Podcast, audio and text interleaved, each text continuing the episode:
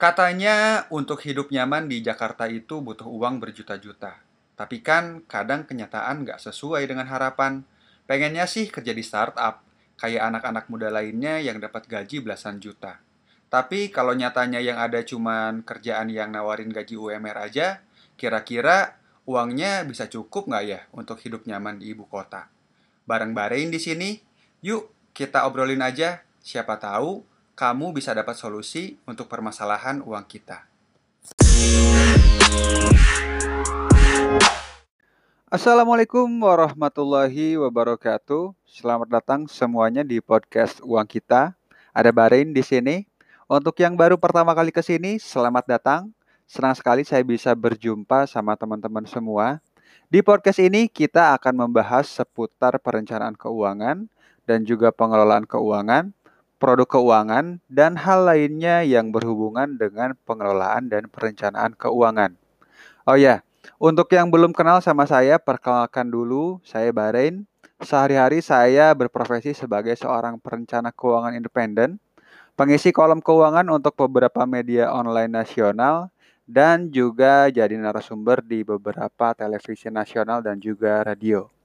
Ini episode kedua dan di episode sebelumnya kita udah ngebahas tentang perencanaan keuangan secara umum. Nah, di episode ini kita akan bahas sesuatu yang cukup menarik dan menjadi pertanyaan banyak orang, yaitu tentang gaji bulanan. Tapi di sini kita akan ngebahas sesuatu yang lebih spesifik, yaitu bisakah kita hidup bermodal gaji UMR di Jakarta?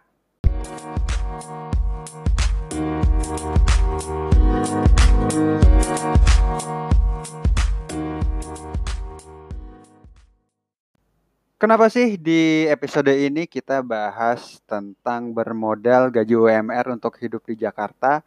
Karena mungkin beberapa dari kamu ada yang berpikir dan mungkin juga banyak yang berpikir untuk mulai hidup di Jakarta. Meniti karir, hidup ala anak-anak startup bergaji belasan juta, bener nggak? Tapi gimana kalau ternyata mimpi kamu itu nggak jadi kenyataan? Dan kesempatan pertama yang datang cuman dari perusahaan yang nawarin gaji UMR aja. Terus kamu mempertimbangkan ambil atau enggak ya? Atau nunggu lagi. Tapi kalau nunggu lagi jadi pengangguran. Kalau nggak diambil nolak rejeki. Tapi kamu juga di sisi lain mikir, mungkin nggak ya hidup nyaman cuman modal gaji UMR doang di Jakarta kalau kita ngomongin hidup nyaman kan artinya bisa makan tiga kali sehari, terus punya tempat tinggal yang layak, atau dapat tempat tinggal yang layak gitu ya. Kalau misalkan kamu rantau dari daerah, terus juga belum ngomongin ongkos pergi pulang atau transportasi, terus kamu juga pasti pengen hiburan, ke bioskop, terus jalan-jalan, gak mungkin dong gak ke mana-mana selama di Jakarta. Nah, di sini kita nggak ngomongin gaji UMR plus plus ya, kita fokus aja ngomongin gaji UMR doang bisa nggak hidup di Jakarta. Artinya kamu cuma mikirin bahwa kerja dapat gaji terus hidup nyaman. Kamu nggak usah ngomongin tentang uang lembur atau uang buat freelance dari tempat lain atau cari pendapatan tambahan apalagi plus jadi ojek online. Kamu nggak usah mikirin itu semua. Di sini kali ini kita bahas tentang hidup nyaman bermodal gaji UMR aja di Jakarta. Kira-kira bisa nggak modal gaji UMR hidup nyaman di ibu kota?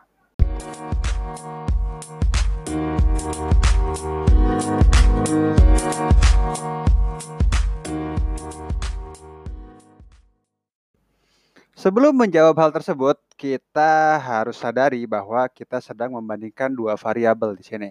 Variabel pertama yaitu adalah gaji bulanan kamu yang standar UMR dan variabel kedua adalah kebutuhan-kebutuhan kamu dalam setiap bulannya. Apakah variabel pertama yaitu gaji bulanan kamu bisa sebanding atau lebih banyak dibandingkan dengan variabel kedua? Menurut kamu bisa nggak variabel pertama lebih banyak atau sebanding setidaknya dengan variabel kedua? Kalau boleh saya kasih pendapat sih, saya nyatakan bahwa bisa. Ya bisa dong. Bahkan kamu bisa hidup nyaman loh. Dan bahkan kamu bisa berinvestasi dengan uang yang mungkin kamu lihat cuman segitu aja. Tapi ada syaratnya. Syaratnya kamu harus sadar dengan kemampuan kamu, kamu harus sadar dengan diri kamu sendiri, kamu harus sadar dengan penghasilan kamu, dan tentunya kamu jangan menghambur-hamburkan uangnya. Di Jakarta, godaan untuk menghabiskan uang itu bisa hadir kapan dan di mana aja. Bahkan kamu nggak ke mana-mana aja, godaan bisa hadir lewat handphone kamu. Jadi kalau kamu nggak sadar dengan kemampuan kamu, maka gaji kamu yang cuman setara UMR itu bisa habis dalam sekejap saja. Kalau di Jakarta ini kamu mau ngabisin gaji kamu yang cuma sebatas UMR kurang dari 24 jam itu bisa banget. Kamu mau ngabisin gaji kamu yang cuma sebatas UMR kurang dari satu malam juga bisa. Bahkan kalau kamu mau gaji kamu yang cuma sebatas UMR itu habis dalam satu kali makan juga bisa. Jadi kamu jangan sampai menghambur-hamburkan uangnya dengan tidak bisa mengelolanya dengan baik. Jadi kamu harus bisa mengelola uang tersebut, gaji yang kamu dapatkan untuk menghidupi kamu dari tanggal gajian ke tanggal gajian lagi. Caranya gimana? Caranya semudah dengan membedakan mana kebutuhan dan mana keinginan. Gampang banget bukan? Secara umum, ya dikasih tahu bahwa kebutuhan itu antara lain kan cuman makan, minum, bener ya, terus tempat tinggal itu juga kebutuhan transportasi tentunya jadi kebutuhan. Kalau kamu nggak ngongkos, kalau kamu nggak keluar bensin, kamu nggak bisa pergi ke tempat kerja kamu. Kalau balik lagi ke tadi makan dan minum, kamu nggak makan dan minum ya mati dong ya. Kalau nggak ada tempat tinggal juga nggak mungkin. Jadi ada tiga hal utama, ada makan dan minum, terus ada tempat tinggal, transportasi. Itu adalah hal-hal primer yang harus kamu penuhi dalam hal kebutuhan. Dan juga ada hal tersier kayak hiburan. Itu juga adalah kebutuhan kamu sebetulnya. Lah, kok hiburan masuk ke kebutuhan? Bukannya hiburan itu masuknya keinginan ya? Nah, untuk hal ini nggak gitu juga. Hiburan itu kebutuhan. Selain itu, investasi juga merupakan kebutuhan untuk kamu. Pendapat pribadi saya, hiburan itu merupakan sebuah kebutuhan yang harus dipenuhi untuk memberikan fulfillment kepada jiwa kita yang sudah lama atau sudah sering dipakai bekerja. Jadi itu merupakan sebuah refreshment kepada diri kita atau reward kepada diri kita. Dan hal ini juga ada penelitiannya bahwa hiburan, jalan-jalan itu merupakan kebutuhan untuk kesehatan mental kita.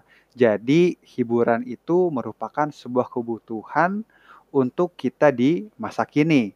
Dan investasi adalah kebutuhan yang harus kita penuhi untuk masa depan.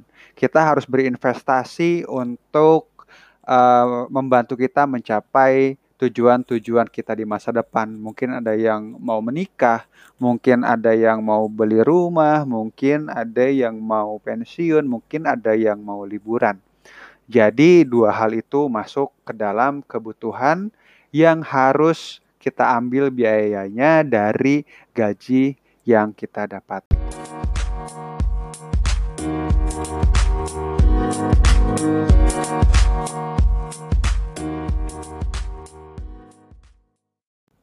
Ya, Bang, bacot kalau tips doang mah. Emang masuk hitungannya? Eh, sini kita hitung bareng-bareng ya. Tapi sekali lagi saya sampaikan kamu kalau mau sukses dalam mengelola dan merencanakan gaji bulanan, maka kamu harus tahu dulu apa yang jadi kebutuhan kamu dan jadikan itu prioritas. Kamu harus tahu skala prioritas, mana yang harus didahulukan dan mana yang harus diakhirkan. Nah, apa aja sih yang harus jadi prioritas? Yang pertama adalah tentunya biaya makan dan minum untuk mempertahankan hidup. Jangan sampai kelaparan, kawan. Yang kedua, biaya tempat tinggal, kemudian biaya transportasi, kecuali kamu mau jalan kaki, dan biaya hiburan jadi hal-hal pertama untuk kamu bayarkan dari uang gaji bulanan yang kamu dapatkan. Nah, untuk hal-hal tadi sisihkan di awal untuk biaya-biaya yang disebutkan. Nah, yang kedua, setelah kamu tahu apa yang jadi prioritas, maka kamu tahu kan bahwa yang pertama kali harus dibayarkan dan jadi prioritas itu adalah buat makan dan minum. Jadi kamu harus pilih tempat makan yang bisa memenuhi kebutuhan kamu dan bukan gengsi kamu. Ingat kawan, gaji kamu hanyalah sebatas UMR saja. Jangan membeli makan dengan standar hidup seorang selebgram. Di saat ini, biaya standar untuk sekali makan di Jakarta sekitar ya 10 sampai 12 eh 10 sampai 20 ribu. Ya, akur ya. Kalau kamu makan di warung nasi atau warteg 15.000 itu udah cukup mewah sih. Jadi banyak lauk lauknya. Kamu dapat uh, daging ayam, terus kamu dapat sayuran, dapat tahu gorengan, atau kamu juga bisa cari pecel ayam, gado-gado, terus ada juga nasi bebek Madura, ada juga ketoprak, harganya juga nggak jauh berbeda. Jadi 15.000 itu kamu udah dapat makan. Jadi kalau sekali makan sehari itu 45.000, 15.000 dikali 3. Jadi kalau sebulan kamu ngabisin sekitar 1.350 lah lebih kurangnya. Nah, biaya makan ini sebisanya jangan ditawar karena menyangkut gizi kamu. Jangan sampai kamu tipes. Jadi setidaknya dengan 15.000 kamu dapat itu tadi nasi, sayur, lauk dan juga minuman. Tapi kalau kamu tawar dan nanti kamu malah hematnya berlebihan, kamu akan kekurangan gizi selama di Jakarta.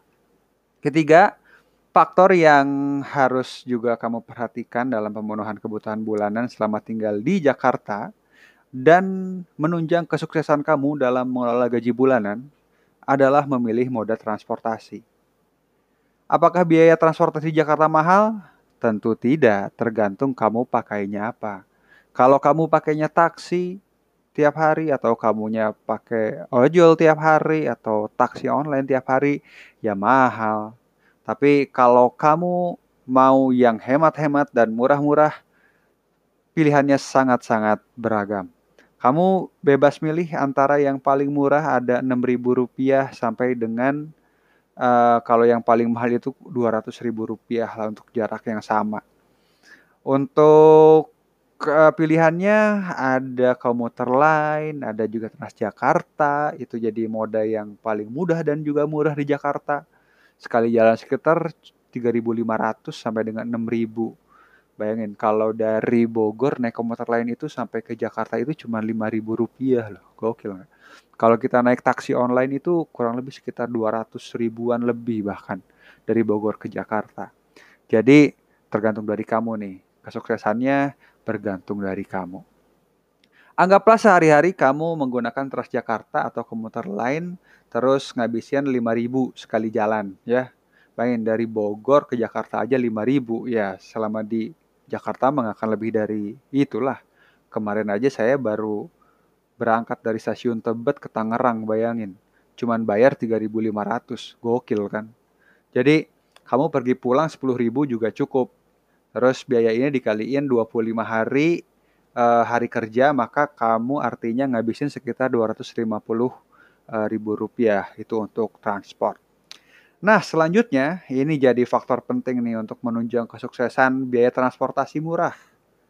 Itu adalah pemilihan tempat tinggal kamu selama tinggal di ibu kota. Kalau kamu nggak terbiasa dengan udara panas di Jakarta, Jakarta panas ya, sekitar 27 sampai 29 derajat Celcius. Kalau kamu yang berasal dari kota-kota sejuk di Jawa Barat, itu akan menjadi tantangan tersendiri buat kamu. Jadi mau nggak mau, kamu akan milih kontrakan yang ngasih fasilitas AC yang biasanya beragam. Satu juta juga ada sih yang pakai AC 1 sampai 1,2 juta. Tapi kalau kamu bisa beradaptasi dan kamu bisa menekan biaya tersebut, maka kamu bisa hemat cukup banyak dari gaji kamu. Nah, poin yang ini sama poin yang sebelumnya, tempat tinggal uh, dan transportasi ini saling berhubungan satu sama lain. Karena kalau kamu milih tempat tinggal yang jauh dari halte Transjakarta atau jauh dari stasiun, maka imbasnya adalah uang transportasi kamu akan membengkak karena kamu harus naik ojek dulu dari uh, kosan atau kontrakan ke stasiun. komuter lain atau ke halte Transjakarta. Jadi bisa jadi dua kali lipat harganya. Makanya penting buat kamu cari tempat tinggal yang dekat sama stasiun atau halte Transjakarta. Anggaplah kamu ngabisin 1,2 juta untuk sewa tempat tinggal. Uh, itu udah termasuk ngitung groceries bulanan. Jadi tempat tinggal yang kamu pilih dekat dengan halte sama Transjakarta atau dekat sama stasiun kereta pakai AC juga sebagai fasilitas tambahannya. Jadi sejauh ini untuk memenuhi tiga kebutuhan dasar kamu udah menghabiskan berapa? Untuk makan kan tadi satu juta tiga ratus lima puluh ribu rupiah. Terus transport transportasi menuju kantor butuh sekitar dua ratus lima puluh ribu rupiah. Dan tempat tinggal itu sekitar satu juta dua ratus ribu rupiah. Atau boleh juga lah anggap tempat tinggal itu bayar kontrakannya doang 1,2 juta dan kemudian kamu beli buat sabun dan lain sebagainya itu karena ini cowok ya tapi nggak tahu kalau cewek nih kita ngomongin cowok aja ya di sini silahkan kalau para wanita mau cerita-cerita tentang berapa harga skincare dan perawatannya kalau cowok kayaknya beli sabun sampo terus hand and body lotion 200 ribu juga Cukup kali ya. Jadi total kamu ngabisin sekitar 3 juta saja per bulannya. Untuk makan, minum, transportasi, dan juga buat tempat tinggal serta sudah termasuk dengan sabun sampo, pasta gigi, lotion, hand and body. Luar biasa ya, 3 juta. Nah, kalau gaji kamu UMR, maka artinya kamu ada sisa sekitar 1,2 juta rupiah ya artinya. Benar ya? Kalau sekarang UMR 4,2 berarti kamu ngabisin tadi 3 juta ada 1,2.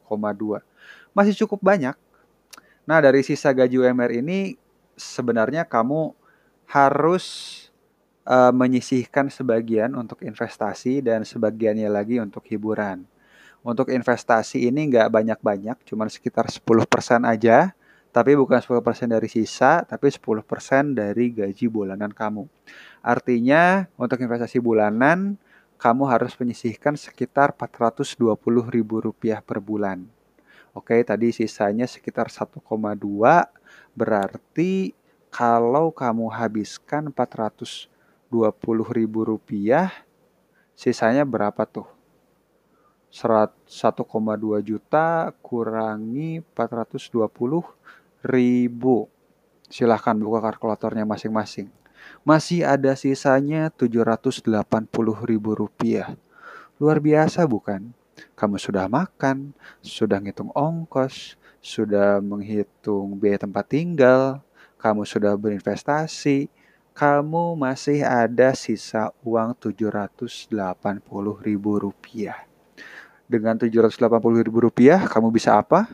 kamu bisa melakukan banyak hal kawan. Kalau kamu hobi nonton film, misalkan tadi kan kita ngomong bahwa hiburan itu adalah sebuah kebutuhan yang harus dipenuhi, maka kamu masih punya uang untuk nonton ke bioskop. Jakarta sekarang ada beberapa pilihan bioskop yang cukup murah. Ada yang 30 sampai 35 ribu sekali nonton juga ada.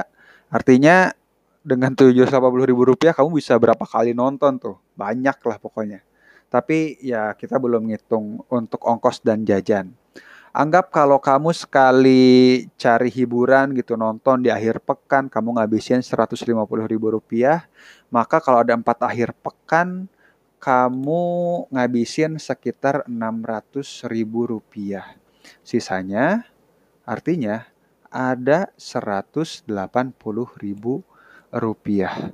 Gokil ya. Kamu bisa makan, bisa transportasi tadi, bisa investasi, udah biaya kontrakan, terus kamu juga udah jalan-jalan dan cari hiburan, kamu masih ada sisa 180 ribu rupiah. Dan jangan lupa kalau kamu adalah seorang muslim, maka Artinya kamu masih mampu untuk menyisihkan 2,5% untuk zakat di awal gajian sekitar Rp105.000 saja. Lebih murah daripada uang jajan kamu di akhir pekan. Sampai di sini, kamu masih ada sisa sekitar berapa tuh? 75 ribu rupiah. Mantap bukan? Jadi sekarang kamu tahu kan bahwa dengan gaji UMR saja kamu masih bisa hidup nyaman di Jakarta.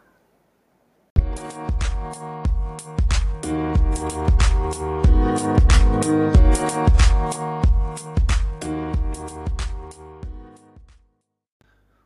itu tadi perhitungan sederhana tentang biaya hidup nyaman di Jakarta ala podcast uang kita. Semoga ada manfaatnya buat kamu semua yang ngedengerin podcast ini. Terima kasih banyak udah ngedengerin sampai di sini. Kamu boleh loh share ke teman-teman kamu tentang ilmu ini supaya kamu nggak hemat sendirian. Uh, tapi ya cara ngatur keuangan balik lagi ke kamu ya mau ngikutin cara ini, terima kasih banyak. Atau kalau kamu punya cara lain yang dirasa lebih cocok buat kamu juga silahkan. Karena kebutuhan setiap orang dan preferensinya juga berbeda-beda. Kalau kamu punya pertanyaan seputar keuangan atau kamu mau curhat tentang keuangan juga boleh. Silahkan DM ke Instagram saya at Bahrain Bravo Alfa Romeo Echo Yankee Nano atau kamu juga bisa email ke nilai uang kita at gmail.com. Oke, okay? jadi kalau mau ada yang curhat seputar keuangan, boleh DM ke Instagram saya atau email ke nilai uang kita at gmail.com. Terima kasih semuanya, sampai jumpa. you